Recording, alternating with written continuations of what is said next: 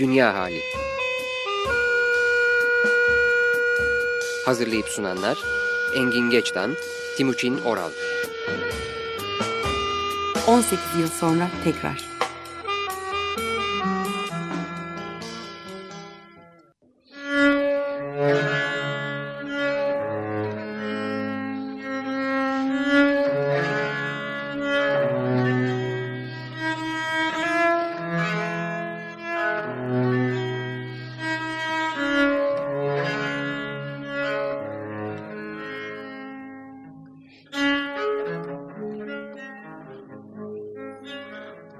94.9 Açık Radyo'dan iyi akşamlar. Ben Engin Keş'ten. Ben Timuçin Aral. Dünya halindeyiz bu akşam ve karşımızda Tolga Dizmen.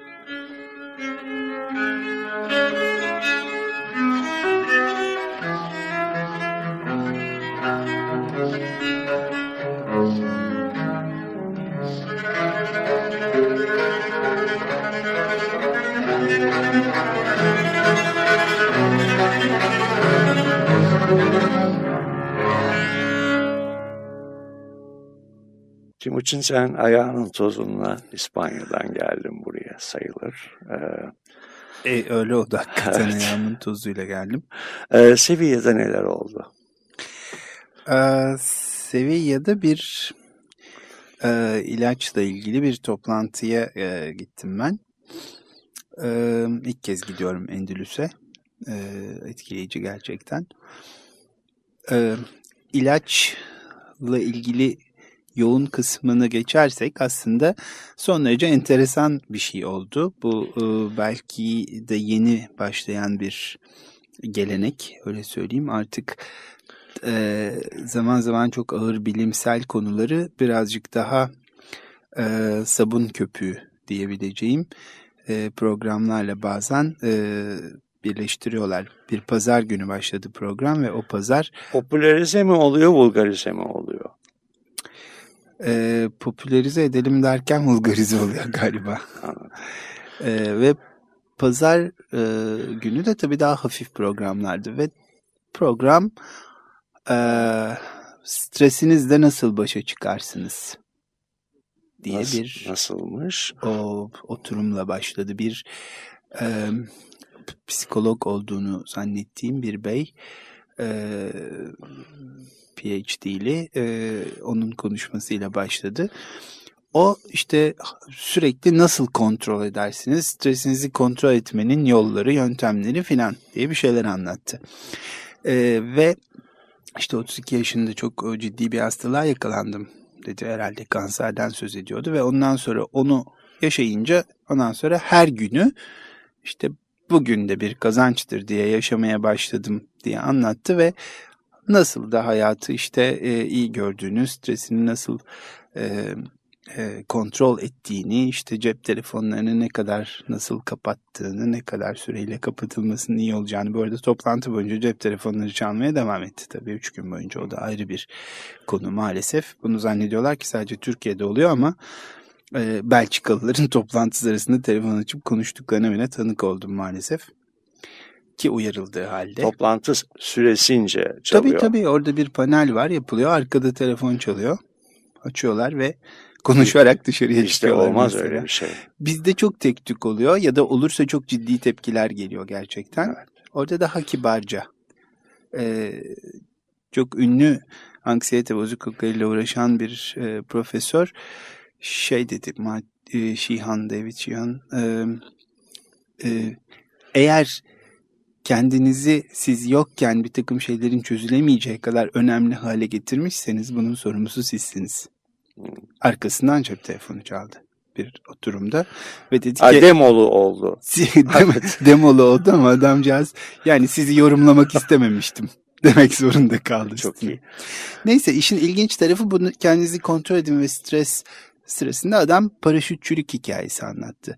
Benim de bir paraşütçülüğüm var. Bana son derece ilginç geldi e, paraşütle nasıl atlamış, atlayamamış, işte sonra son anda atlamaya karar vermiş. Ve atlamaya karar vermesini de bir bunu kontrol etme süreci olarak anlattı. Neyi kontrol etme? Ee, şöyle kendisinden önce atlayan elini uçağın içine koymuş atlarken halbuki dışına konulması gerekir ve bunun eğitimi de verilir. Ee, içine koyup orada beklerseniz ve yeterince bir sürede beklerseniz arkanızdaki subay ya da yönetici kimse takım kaptanı sizi aşağı atar. Hı hı. Çünkü o paraşütle atlayışlarda bunlar eğitim paraşütleridir ve bir demirleme kablosuyla uçağa bağlısınızdır. Otomatik açılır yani paraşüt. Siz açmazsınız. Bu ilk 10 atlayış falan böyle yapılır. Türkiye'de de böyle yapılır. Ee, işte o da arkadaşının ellerini içe koyduğunu görünce ha stresi kontrol etmeliyim. Çok da korkuyorum. Bunu yenmenin yolu elimi dışarı koymaktır diye bir karar vermiş. Evet. Ve bu süreçten geçerek atlamış. Bunu nasıl yaptığını anlattı. Şimdi bu, bu bir o, olgu ya da olay neyse o sabah olan. Fakat akşam e, bir kokteyl oldu ve o kokteylin sonrası yemek sırasında da bir e, başka konuşma vardı. Orada da Bertrand Piccard diye bir e, İsviçreli meslektaşımız çünkü psikiyatri eğitimi alıyormuş şu anda. E, 20 günde balonla dünyayı nasıl dolaştığını anlattı. E, ve zorluklarla başa çıkmaya çalışmadan zorlukların nasıl yaşandığını anlattı. Mesela Çin'den geçmek istiyorlar ama Çin hükümeti izin vermiyor. Kuzeyden dolaşıyorlar mecburen derken işte balon e, bir ara denize düşüyor. Her şeylerini kaybediyorlar ama yeniden toparlanıyorlar. Yeniden uçurmayı deniyorlar. Bu televize edilmedi mi? Evet sanıyorum. E, izledim. Evet sanıyorum izlemiş olmalısınız. Mısır, Japonya'da kabul etmedi başta. Evet. Bütün bunları anlattı ve sonunda da o 20 günün sonunda çöle iniyorlar. Yani basının onları herkesin göreceği bir yere ve dünyayla paylaşmaya değil, kendi kendilerine o keyfi e, bitirmek için çöle iniyorlar. Çok önemli bir şey bana göre söyledin. Zorluklarla baş etmek için önlemler almak. Önlemi ben ekledim şu Hı hı. anda. Hı hı. Değil, zorlukları kabul ederek yaşamak, Sürdürmek evet. sürdürmek. hı. Evet. Ve arkasından bu bey Picard dedi ki bunlar dedi çok sol beyinli oldu. Ki bence hiçbir şey sol beyinli değildi orada anlattığı hiçbir şey. Daha sağ beyinli bir şey yapıp size müzik dinleteyim deyip Let It Be'yi e, dinletti. Ve zaten salon tamamen e, bitmişti o sırada. E, e, yani tabii e, e, sağ beyinli yaşananları anlatmaya e, lafa dökmeye başlayınca o sol beyine gidiyor. Tabii O, ki. o çok doğru. Ee, hoş. Ee, şimdi balon ve paraşüt. e, senin bir deneyimin var. Evet. Ee, benim e, ipe bağlı bir paraşütle kuleden atlama deneyimim var. Bununla birlikte ben kendimi başarılı sayıyorum. Çünkü 10 kişi çıktık, 3 kişi atladı, 7 kişi merdivenlerden Vazgeçti. döndü, vazgeçti, döndü. Kısacık şey çok hoştu. Yani benim için. Ee, balonla da 2 saat dolaştım Kapadokya'da. O da büyük keyif. Bu çok çok büyük bir keyif ama tabii 20 günlük bir balonu yöneterek Hı hı. kumandada olmak e, bambaşka bir şey. E, paraşütle atlamak nasıl bir duygu? Yani ben tadımlık da demeyeceğim. Bir ucundan şöyle bir tadına vardım. Evet. Ee, bir çeşit uçmak gibi. Ee, tabii orada şöyle bir şansınız da yok. Ee, vazgeçtim dediğinizde aşağı inemiyorsunuz. Çünkü size atıyorlar baldır küldür aşağıya. Ee, Türkiye'de Türk kuşu o zaman o eğitimi veriyordu sanıyorum hala o veriyor. Türk Hava Kurumu çok ciddi bir eğitim verirler. Ve e, hiçbir şeyi yanlış yapma şansınız yoktur. Mesela paraşütünüzü kendiniz katlar ve yerleştirirsiniz. Ya paraşütün açılmazsa diyorlar kimseye değil kendinize ve kendi yaptığınız işe güvenmek zorundasınızdır. Ayrıca da hakikaten ciddi bir eğitim alırsınız. Elimi dışarıya koydum içeriye koydum gibi bir tartışma hiç olmaz. E sonrası da tabii aşağıya süzülerek inmenin keyfi anlatılacak bir şey değil. Büyük bir keyif o. Evet. e, bugün akşam üzeri buraya gelmeden önce televizyon ekranında e, çok o, e, az birlikte olabildim ama keyif aldığım ve bilgisine de çok saygı duyduğum biri ne izledim bir süre. Başını kaçırmışım İlber Ortaylı. Hı hı. Ee, Türk insanının yalnız kalamayan bir varlık olduğunu hı hı. E, çok hoş örneklerle anlattı. Senin bu konudaki görüşlerin Hı, Çok güzel bir tespit. Ee, aynı şeyi düşünüyorum. Ee, cep telefonu patlamasının da biraz bununla ilişkili olduğunu düşünüyorum. Ee, gerçi şöyle bir şeyde tanık oldum. Dünyanın her yerinde galiba özellikle adolesanlar ellerinde cep telefonlarıyla sürekli şey e, mesajlar yolluyorlar birbirlerine. O oyun. Evet ama yani. Türkiye'dekinin farkı e, yetişkinlerde de bunu sürüyor olması. E, yani cep telefonuyla böyle bir organik bağımız var ve ben çok uzun süre bunun acaba bizim yıllardır yeterli telefon şebekemizin olmamasına duyduğumuz özlemden mi yoksa hakikaten yalnız kalamamaktan mı kaynaklandığını düşünüp durduğum çok oldu. Bana da öyle geliyor yalnız kalamıyoruz. E, ayrıca yeterli telefon şebekesi olan e, insanlarımız var. da şey e, telefonu kapatmayı yeni yeni öğrendiler evet. gibi geliyor bana ya da benim dünyamda ben buna pek fırsat vermiyorum. Sizin başınıza da geliyordur. Mesela ben tek başına da daha doğrusu yalnızlıktan söz ettiğim zaman zaman zaman bu e, e, terapi ortamında da çok olan bir şey. Ama ben yalnız sinemaya giderim cevabıyla karşılaşıyorum. Ee, Gidemem. Da, giderim. Ha, ya da ya da evde yalnız kalırım. Ben de zaman zaman e, tek başınalıkla yalnızlığın aynı şey olmadığını hatırlatıyorum. Hı hı hı. Yani sürekli bir ilişkiler ağı içinde hissetmek kendini ve e, güvenliğe yönelik bir tarafı var. Evet. Ve bir ayrılığa tahammül edememe bizim psikiyatride separasyon anksiyetesi dediğimiz hı hı. olgu fevkalade kolektif bir biçimde yaşanıyor şeyde e, ülkemizde ve hala. En çok da İstanbul Festivali'nde yaşanır. Ee, başlangıçta e, dinlerken büyük bir coşku göstermediğimiz e, müzik gruplarını ya da toplulukları bir türlü göndermeyiz sonra. Hatta onlar da çok şaşırırlar. Yani e, başlangıçta dans eden, e, şarkılara katılan bir topluluk bulamazlar belki. Ama özellikle son parçayı çaldıktan sonra ortalık yıkılır ve beş kere filan bis yapmak zorunda kalır. E, o icracılar ve ben çoğu kez şaşırdıklarını düşünüyorum. Biraz nekrofilik olduğumuzu da düşünüyorum doğrusu. Yani ee, açar mısın? Ölü Hadi. sevici diyeceğim ama çok hoşuma gitmeyecek. Onu aç diye söyledim ee, zaten. Galiba o anı ya da yaşadığımız şeyi öldürdükten sonra daha çok seviyoruz onu. Ee, bir e, ya da o ayrılıkla birlikte bir yaz tutma sürecini hemen başlatıyoruz.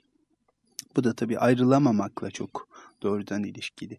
Bir insan gerçekten ölüp kaybettiğimizde yaşadığımız farklı ama ondan ayrılırken yaşadığımızda sanki e, yok olmuş gibi. Ayrıca tabii bir de e, hakikaten onu bitiriyoruz ve bitirdikten sonra da bir türlü bitirmek istemiyoruz önce gönderemiyoruz. Gönderdikten sonra da bir ay harikaydı, çok güzeldi işte filan diye başlayan ve uzun uzun e, o postmortem post yapılıyor. Postmortem, evet. Sizin evet. postmortem diye bir sözünüz var. Çok uygun evet. hakikaten, evet. O postmortemi sevmiyorum. Hı hı. Yani e,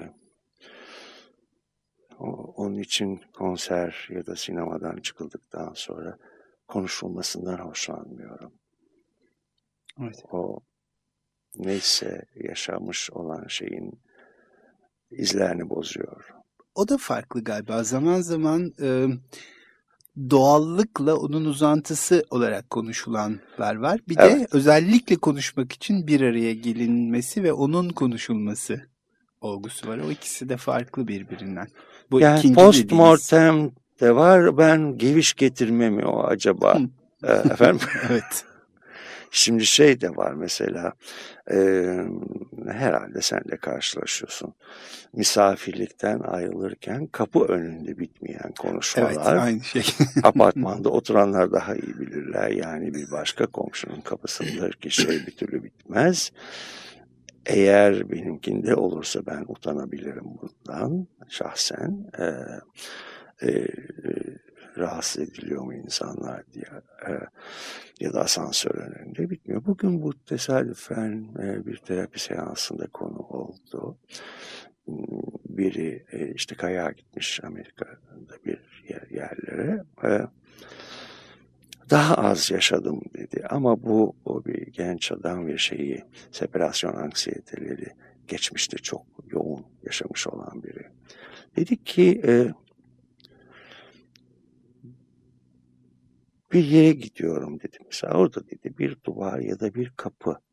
Birden dedi ben burayı tekrar görmeyeceğim. Duygusu yaşıyorum dedi. Ama işin tuhafı buradan giderken bir separasyon yaşamıyor. Ayrılık anksiyetesi yaşamıyor. Orada bir güvenlik var. Nasıl olsa döneceğim. Evet.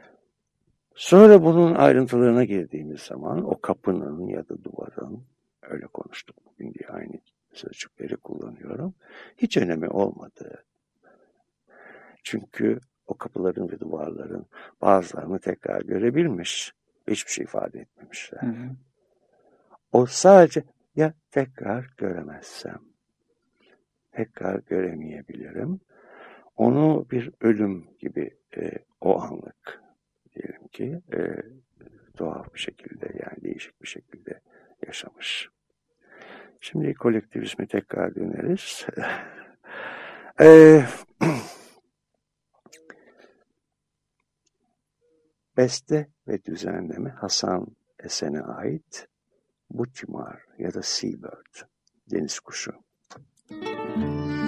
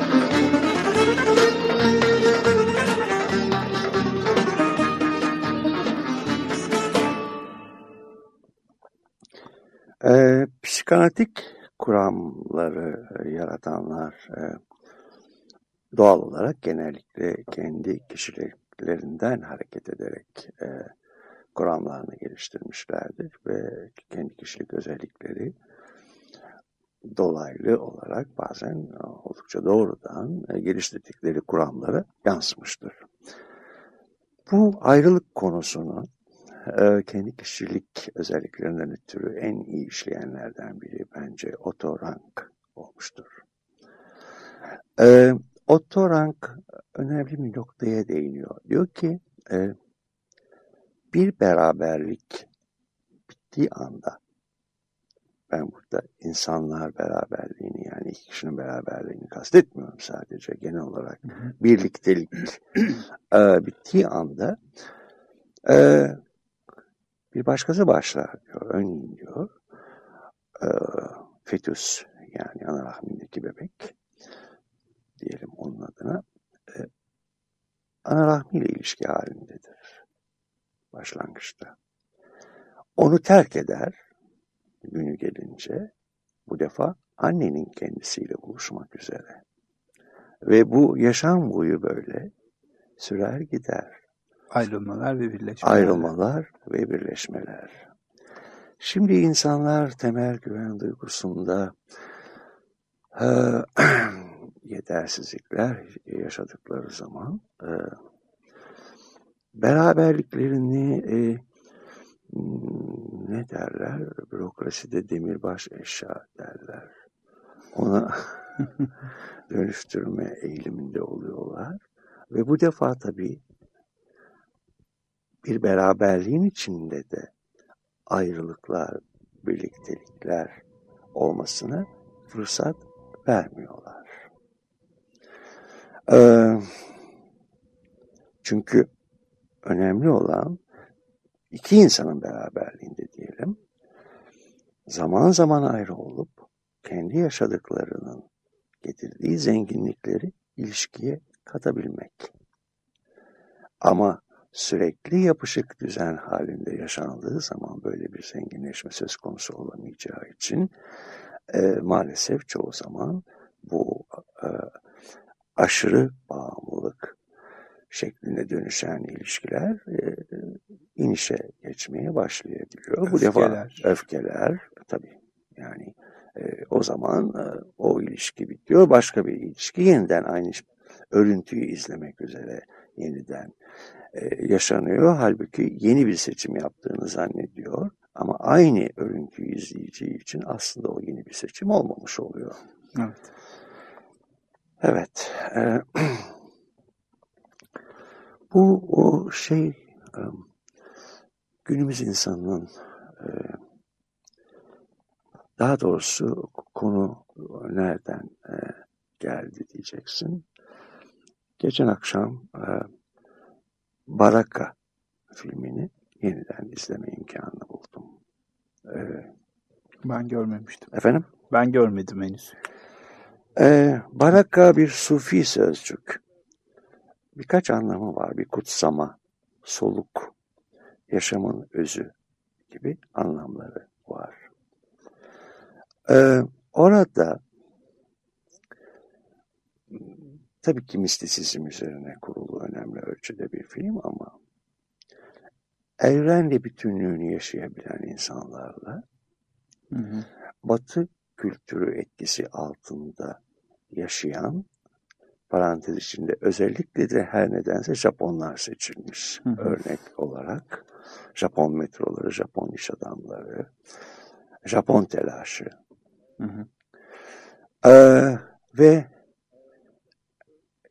kitle halinde üretilen civcivler ve tavuklar ve insanlar hepsi birbirine karışmış filmin içinde. Ara sıra da doğayla, doğanın içindeki kendiliğinden akan düzenli bir kontrast oluşturulmuş.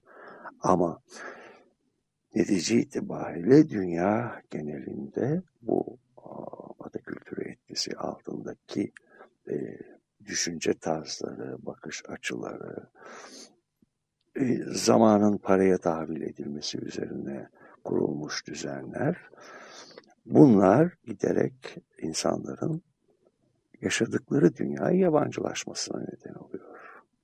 Ve o yabancılaşma hepimizin üzerine derece derece yapışıp kalıyor. Evet. Bu Japonların şimdi tabii filmlerden gidince Narayama türküsündeki e, yaşantı da Japonlara ait. E, bu Japon metroları vesaireyle anlattığınız hatta geçenlerde bir haber vardı. E, iş adamları için galiba hava alanlarında e, bir kişinin sığabileceği bir tabut benzeri oteller imal etmişler ki vakit kaybetmeden hemen orada yatsınlar çıksınlar ve işlerine baksınlar gibi. Bu, bu da aynı Aman Japonlar. Evet. Şimdi bu ikisini bağdaştırmak ne kadar zor geliyor bana zaman zaman. Çok bilgi sahibi değilim Japon kültürü hakkında ama hep bilebildiğim, genel kültürden bilebildiğim kadarıyla e, sonuçta bir doğu toplumu her şeyiyle. Evet. Ama tuhaf bir biçimde e, Amerika kadar ya da Avrupa'nın daha bir takım ülkeleri kadar da çok batı toplumu ya da en azından öyle bir e, keskin e, hatlı bir görüntü çiziyorlar. E dönmeler daima abartılı olurlar evet. bilirsin. Hmm. Evet. Evet. Şaşırtıcı geliyor onun için de bana. Her şeyi en yaşamak. Şimdi tabii bunun getirdiği demin kolektivizmden bahsediyorduk. Hı hı. Hmm, bu da tabii insanları bir tutunacak yer aramaya yöneltiyor. Yani bu bir tanesi Doğu felsefeleri mesela. Hı hı. Ama Doğu felsefeleri, Doğu inançları çare olun olarak bakıldığı olarak bakıldığı anda felsefelerini kaybederler. Evet, tabii, evet. Özellikle Amerikalılar bunu göremiyorlar ilaç gibi, reçete gibi. Efendim, e, yönergiye alışkın evet, bir ulus evet. onlar ve e, olmuyor. Şimdi bizde ne oluyor peki? Bizde de ikisi birden galiba. Yani aslında ikisi birden demek zor. Bir türlü kalıba girmeyen, yani bir türlü Japonlar gibi olmayacak bir yanımız var. Evet. Zaman zaman bereket ki var diyorum. Evet. E, ama zaman zaman hepimiz e, bir takım işleri sürdürürken yürümediğinde bundan da yakınıyoruz bir yandan. Bir türlü olamadık gitti. Bizi asla işte bu çok son zamanlarda söylenen şey asla Avrupa topluluğuna bizi almazlar. Yani bu, bu bir çeşit göstergedir ya. E, onlar gibi olmak, kuralları ona göre yapmak. Açık Radyo'da e, geçen haftalarda e, Oruç Araba sanıyorum şey diyordu. E, Almanya'da yürürken Kant'ı görürsünüz yolda. İnsanlar ışıkta dururlar, ışıkta geçerler ya da geçmezler neyse ve bütün bunları yaparken onların yaşam tarzında görürsünüz bunu. E şimdi bunu ithal olarak alıp aynen bir yönerge biçiminde e, yapmayı istemek ve bunu da Avrupa topluluğuna girişin ölçüsü olarak kabul etmek e, tuhaf. Çünkü bizim o dedim ya bir türlü iflah olmayan yanımızda bu hiç mümkün değil. Ben Avrupa topluluğuna girişin koşulları olarak zaten böyle şeyleri görmüyorum. Çok söz ediliyor. Netice itibariyle hukukun çalışabilmesi, insan hakları vesaire filan şimdi saymayayım böyle klişe şeyleri. Ama hep ambalaj Ondan... ve görüntü esastır ya. Efendim? Hep ambalaj ve görüntü esas alınıp ona göre hani niye gir? Ben şahsen asla onlara benzemek istemem. Yani tabii ki hatırlasanıza kokoreçle ilgili koparılan şeyi fırtınayı sanki her şey tamam da kokoreç yiyemeyeceğiz diye. yani vazgeçmeyiz herhalde umarım. Vazgeçmeyiz ama yani ben yani, kokoreçli bir aram yok aslında ama, ama kokoreçe evet. gelene kadar e, vazgeçmemiz gereken o kadar çok e, e tuhaf Şimdi şey tabii bu o, diyelim ki onların e, katılaşmış bir düzen içerisinde e, kendilerine ait seçimleri belirli kurallara sıkışmış olarak yaşamaları. Hı hı. Tabii ki buna tepkileri de var. Ama sadece tepki seçimle tepki aynı şey değil. Bizde bir savrulma da var. Ee, tabii ki orada yaşanan depresyonlar, örneğin Amerika'yı iyi tanıyorum ve e, bana olağanüstü depresif gelen bir dünya. Son yıllardaki haliyle özellikle. Bizdeki depresyonlar biraz daha maskelenmiş halde yaşanıyor. Burada şeyi hatırladım. Ee, son zamanların e, e, sınıflandırmaya en çok emeği geçen e, Lübnan asıllı Amerikalı psikiyatristlerinden Agopa Kıskal. Lübnan Ermenisi esasında bir Ermeni. E, maskeli depresyon diye bir şey yoktur. Evet. Atlanmış ya da kaçırılmış depresyon vardır.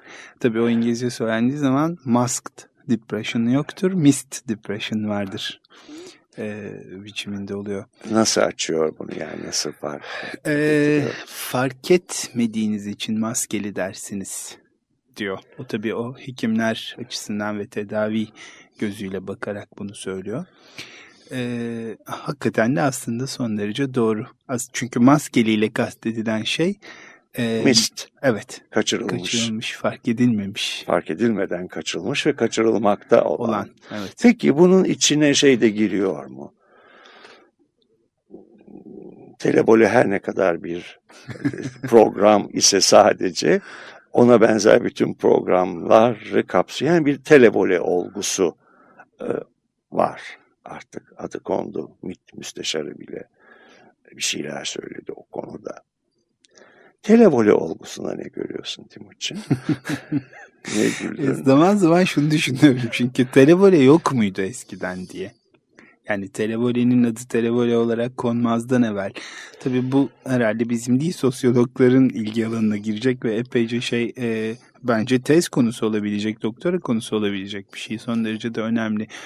Ama sanki bu televole meselesi hep vardı ya da olmalıydı bir şekilde.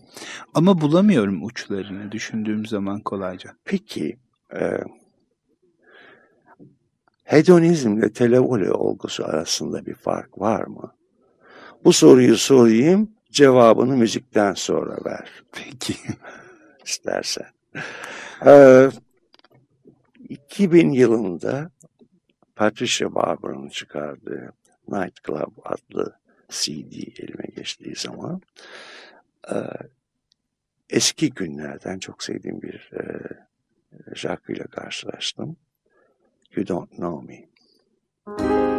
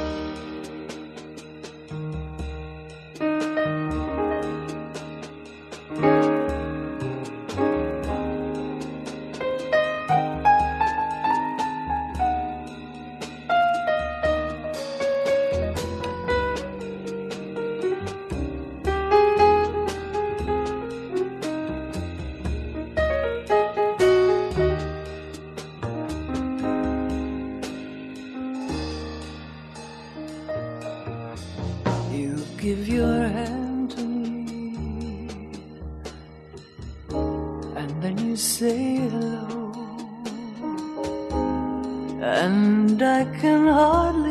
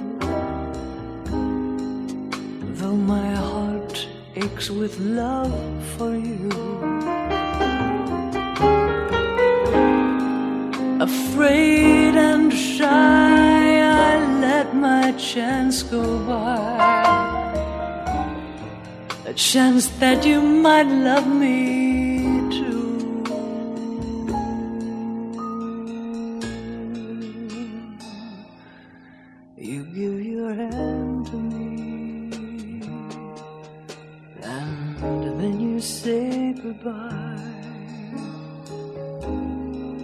I watch you walk away beside some lucky guy.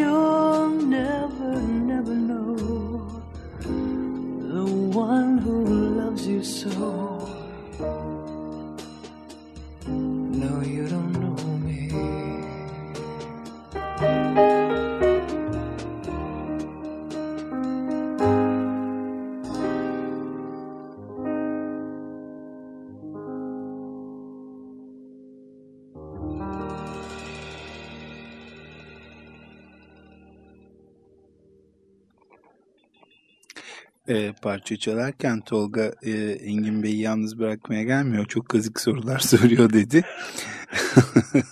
ben de hocadır sorar dedim. e, televole ve hedonizm. E, televole bana hedonizm gibi gelmiyor nedense. Evet. Ama hedonizme övgü gibi geliyor. Karikatürü. evet. Evet. Ee, Zaten galiba kaçırılmış akıl kalın tabiriyle Evet. depresyon aa, onu da ifade ediyor herhalde. evet. Evet. Yani hedonizm e, e, Osmanlı tarihi özellikle dedikodulu tarih ve sosyal tarihi okuduğunuz zaman hedonizmin şahikasında bir milletiz. Hı hı. Özellikle İstanbul'dan söz ediyorum. Ee, şey e, Anadolu'da da muhakkak hedonizm var ama bir kahırsever taraf da var. Hı hı. Kahırsever e, denince aklıma geldi. Ee, iyi bir uyuşturucu var biliyorsun şikayet etmek. Sen nasıl yaşıyorsun onu? Ee, çok güzel bir makale vardı. Kimindi? Türk söylemez söylenir diye. Aa ne güzel. Evet. Ama kimindi şimdi hatırlayamadım. Benim de çok hoşuma gitmişti. Ee, Türk söylemez söylenir çok hakikaten e, doğru bir tanım. Çok çok e, yerinde bir e, üç kelimeyle her şeyi anlatmış. Anlatıyor, evet. Ee, bu kahırseverlik e, de o içeriyor tabii. Tek başına belki Şikayet, o değil ama evet, evet, evet, onu tabii. da içeriyor. Ee, ve de e, yine Nurullah Ataç'ın bu sefer çok hoşuma giden başka bir sözü vardır. Bununla da bir bağlantısı var. Ee, Doğu Acun'unda diyor Nurullah Ataç eleştiri diye bir şey yoktur. Kendinden olana övgü, kendinden olmayana sövgü vardır. Hı hı. Ee, bu da aslında bu şikayet etmek, e, yapıcı olmayan bir biçimde e, e, karalamak ve işte oradan çıkan kahırla da belki teselli olmak. E, Ve içindeki öfkeyi beslemek. beslemek evet. Evet. Böylece sağlam ayakta ve Şeyi hatırlatıyor bana bu işte, Türk söyle, söylemez söylenir lafı. Hmm, yolda insanlar görüyorum. Bazılarımız ben dahil ileriye doğru yürüyoruz.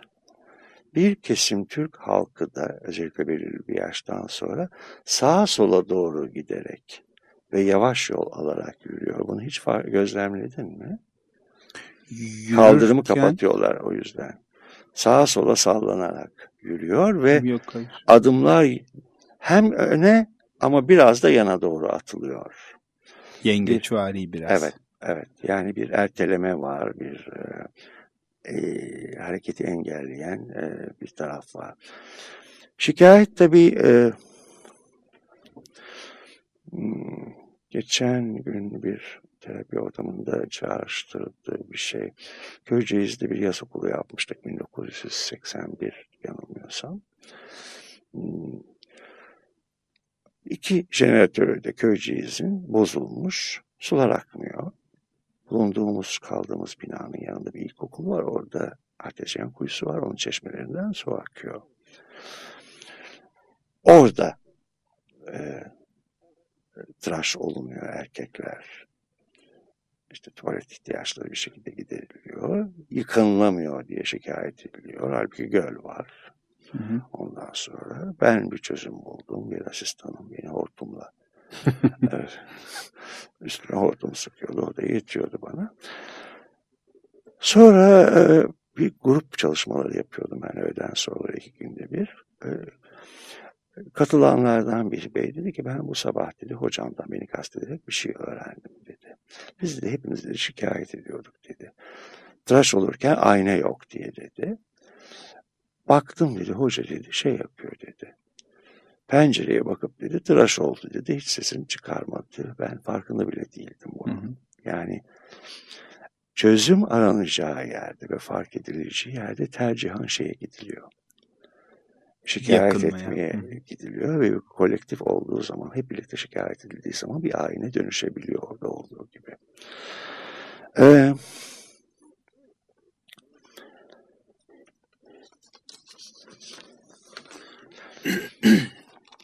yüreklilik. Ölümden kim kaçabilir ki? İnsan denen varlığın günleri sayılı. Yaptığı her şey aslında boş. Eğer şimdiden ölümden korkuyorsan, kendini kahraman olan olarak görmenin ne anlamı var? Önce ben gideceğim, senin önünde yürüyerek. Düşersem adım sonsuzlaşacak. Oysa yoluma çıkan sedir ağaçlarını kesmek için savaşmış olmalıydım. Tunus asıllı Fransa'da yaşayan Abed Azri'nin Iron Maidens albümünden Valiance.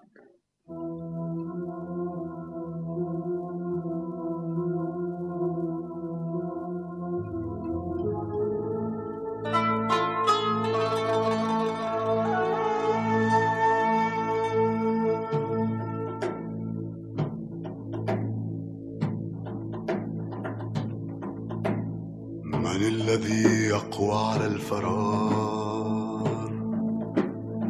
Bühnen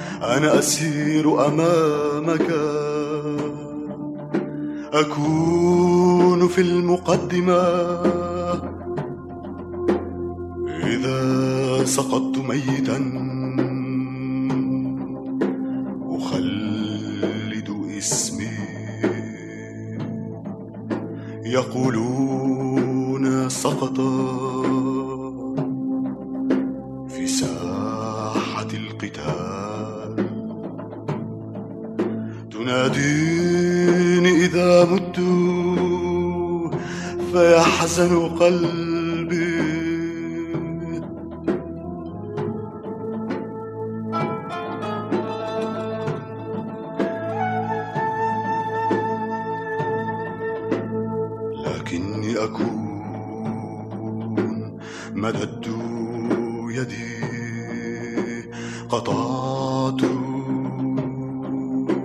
أشجار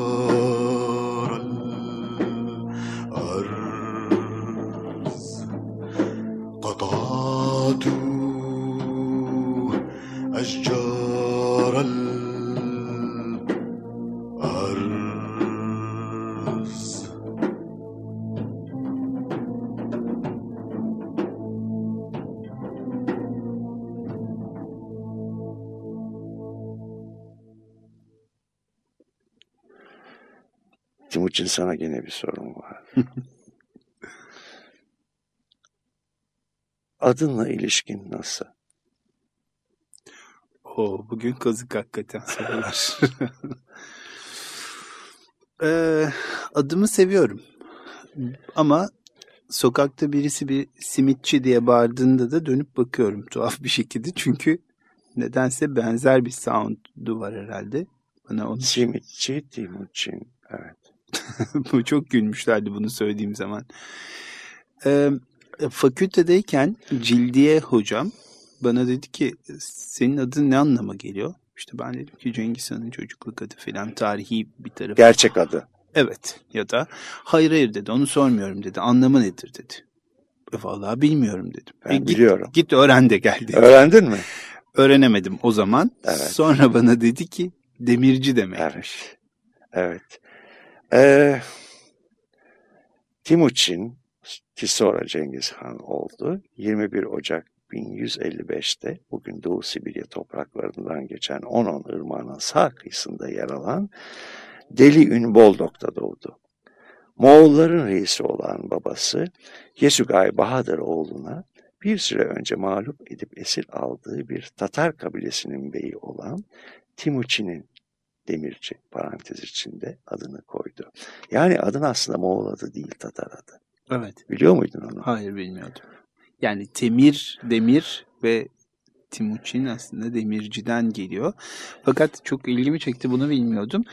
Ee, mağlup ettiği adamın adını koymuş Evet. oğluna. Mağlup edip esir aldığı Esir bir aldı. Tatar kabilesinin beyi olan Timuçin'in adını koydu. Vay canına. Neden yaptı acaba böyle Efendim? bir şey? Neden böyle bir şey yaptı acaba? Yani e, Anzaklar da gelip mağlubiyetlerini kutluyorlar şeyde e, Çanakkale'de. E, yani saygı duymuş demek. Evet. Evet, Evet. ilginç. Tabii bana da e, çocukluk adı oluşuyla çünkü Cengiz Han tarihte hep böyle yıkıcı yakıcı bir adam olarak bilindiği için bana hiç o tarafı yakın gelmez.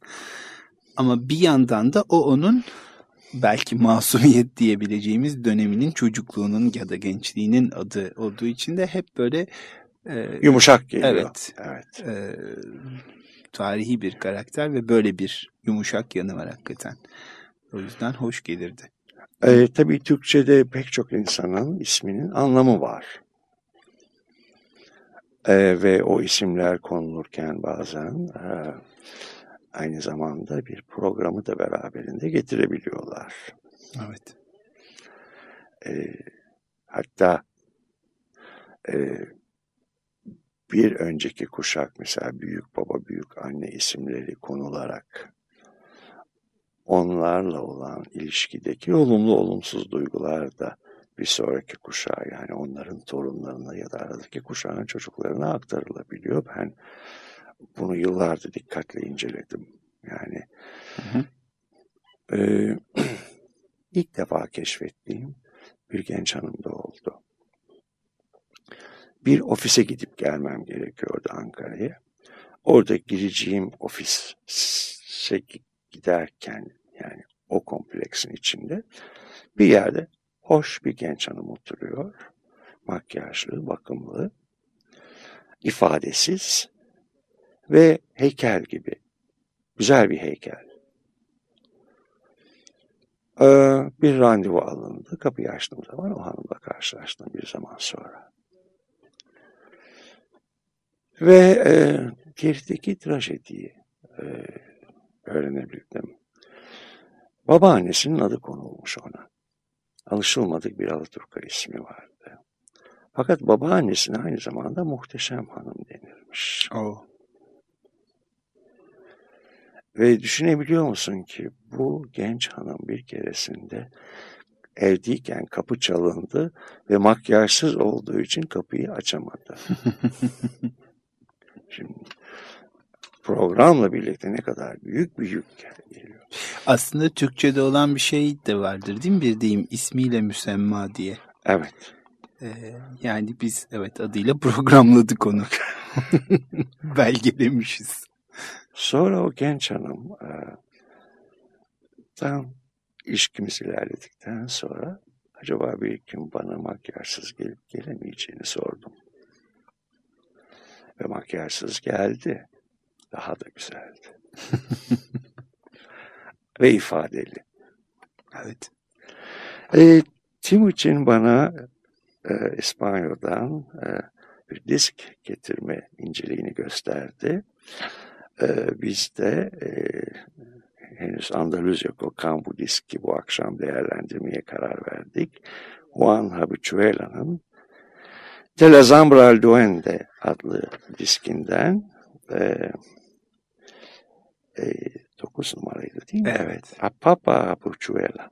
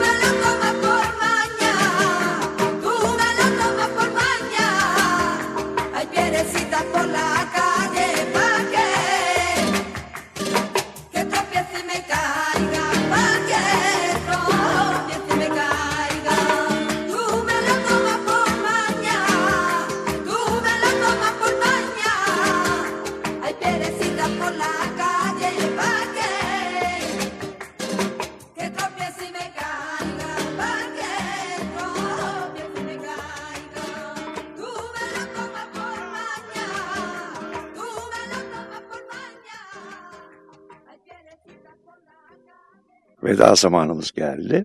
E, hepinize iyi geceler diliyorum ben Engin Geç'ten. İyi geceler. Ben Timuçin Aral. Tolga'ya teşekkürler.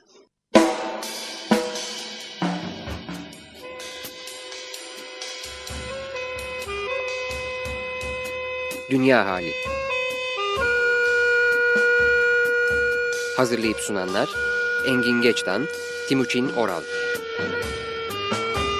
18 yıl sonra tekrar.